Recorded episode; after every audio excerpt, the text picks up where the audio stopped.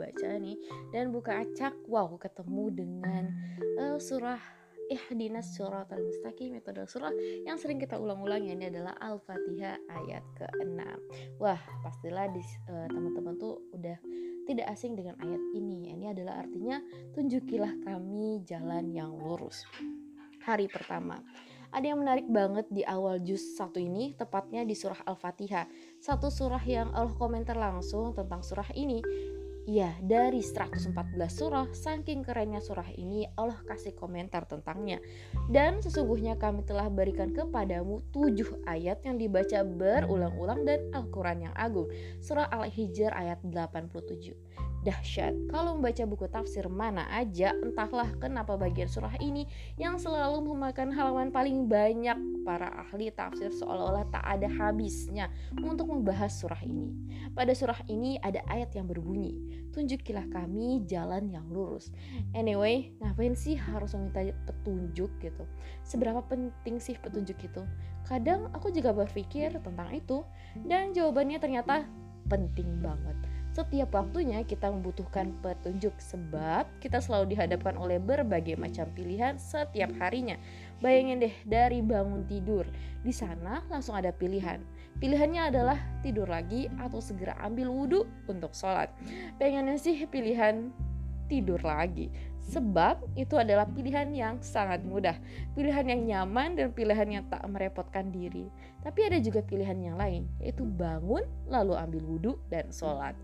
Dan itu jelas pilihan yang sulit dan merepotkan. Apalagi saat kita sedang berpuasa, habis sahur, kenyang, enaknya ya tidur lagi.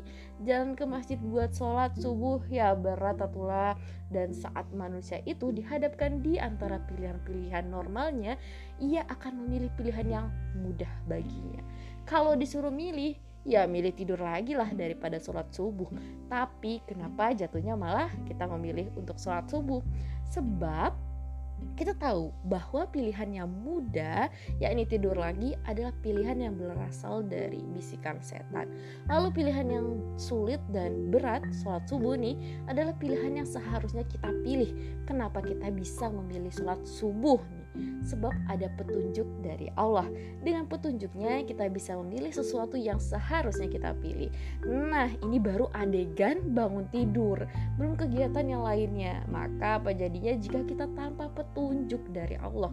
Mungkin hidup kita akan jadi seenak diri sendiri, semut diri kita, ngikutin nafsu dan inginnya kita. Ya, endingnya kita semua sudah tahu akan hancur. Oke, Allah pun juga bilang, dan siapakah yang paling sesat dari orang yang mengikuti hawa nafsunya dengan tanpa petunjuk dari Allah. Sesungguhnya Allah tidak memberikan petunjuk kepada orang-orang yang zalim. Surah Al-Qasas ayat 50. Jadi emang fatal banget kalau manusia tanpa petunjuk dari Allah. Lalu menurutku ada yang aneh di ayat uh, ini. Ihdinas suratal mustaqim. Kenapa Allah mention kata jalan dengan sirah bukan sabil atau torik? Sirot adalah salah satu kata yang unik dalam bahasa Arab. Dia tidak mempunyai versi jamak seperti halnya sabil yang mempunyai versi jamak yaitu subul dan kata sirot juga memiliki makna satu-satunya jalan. Maka untuk mendapatkan ridhonya menuju surganya hanya ada satu jalan yakni adalah taat kepadanya.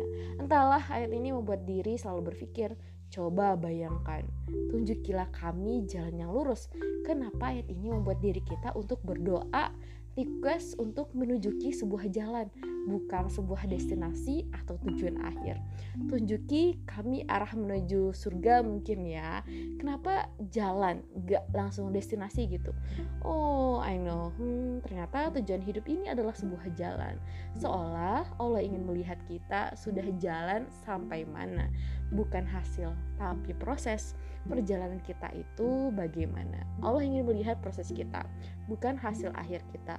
Allah nggak minta kita untuk sampai hingga garis finish.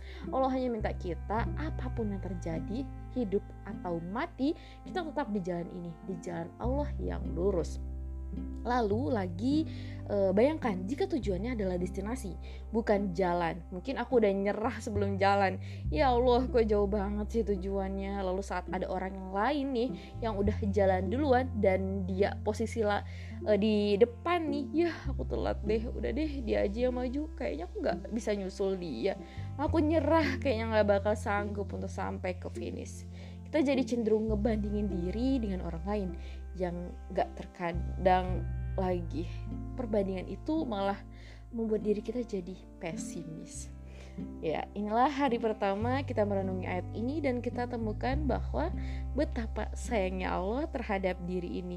Gak peduli di kilometer berapa posisi kita di jalan ini, selama proses itu masih ada, baik berlari, berjalan, atau merangkak di jalan ini, di jalan yang lurus ini aku tahu engkau menilai setiap upayaku dan itulah caramu menyayangiku. Ya sekian uh, cerita malam hari ini. Semoga menemukan insight baru dan juga semangat baru. thank you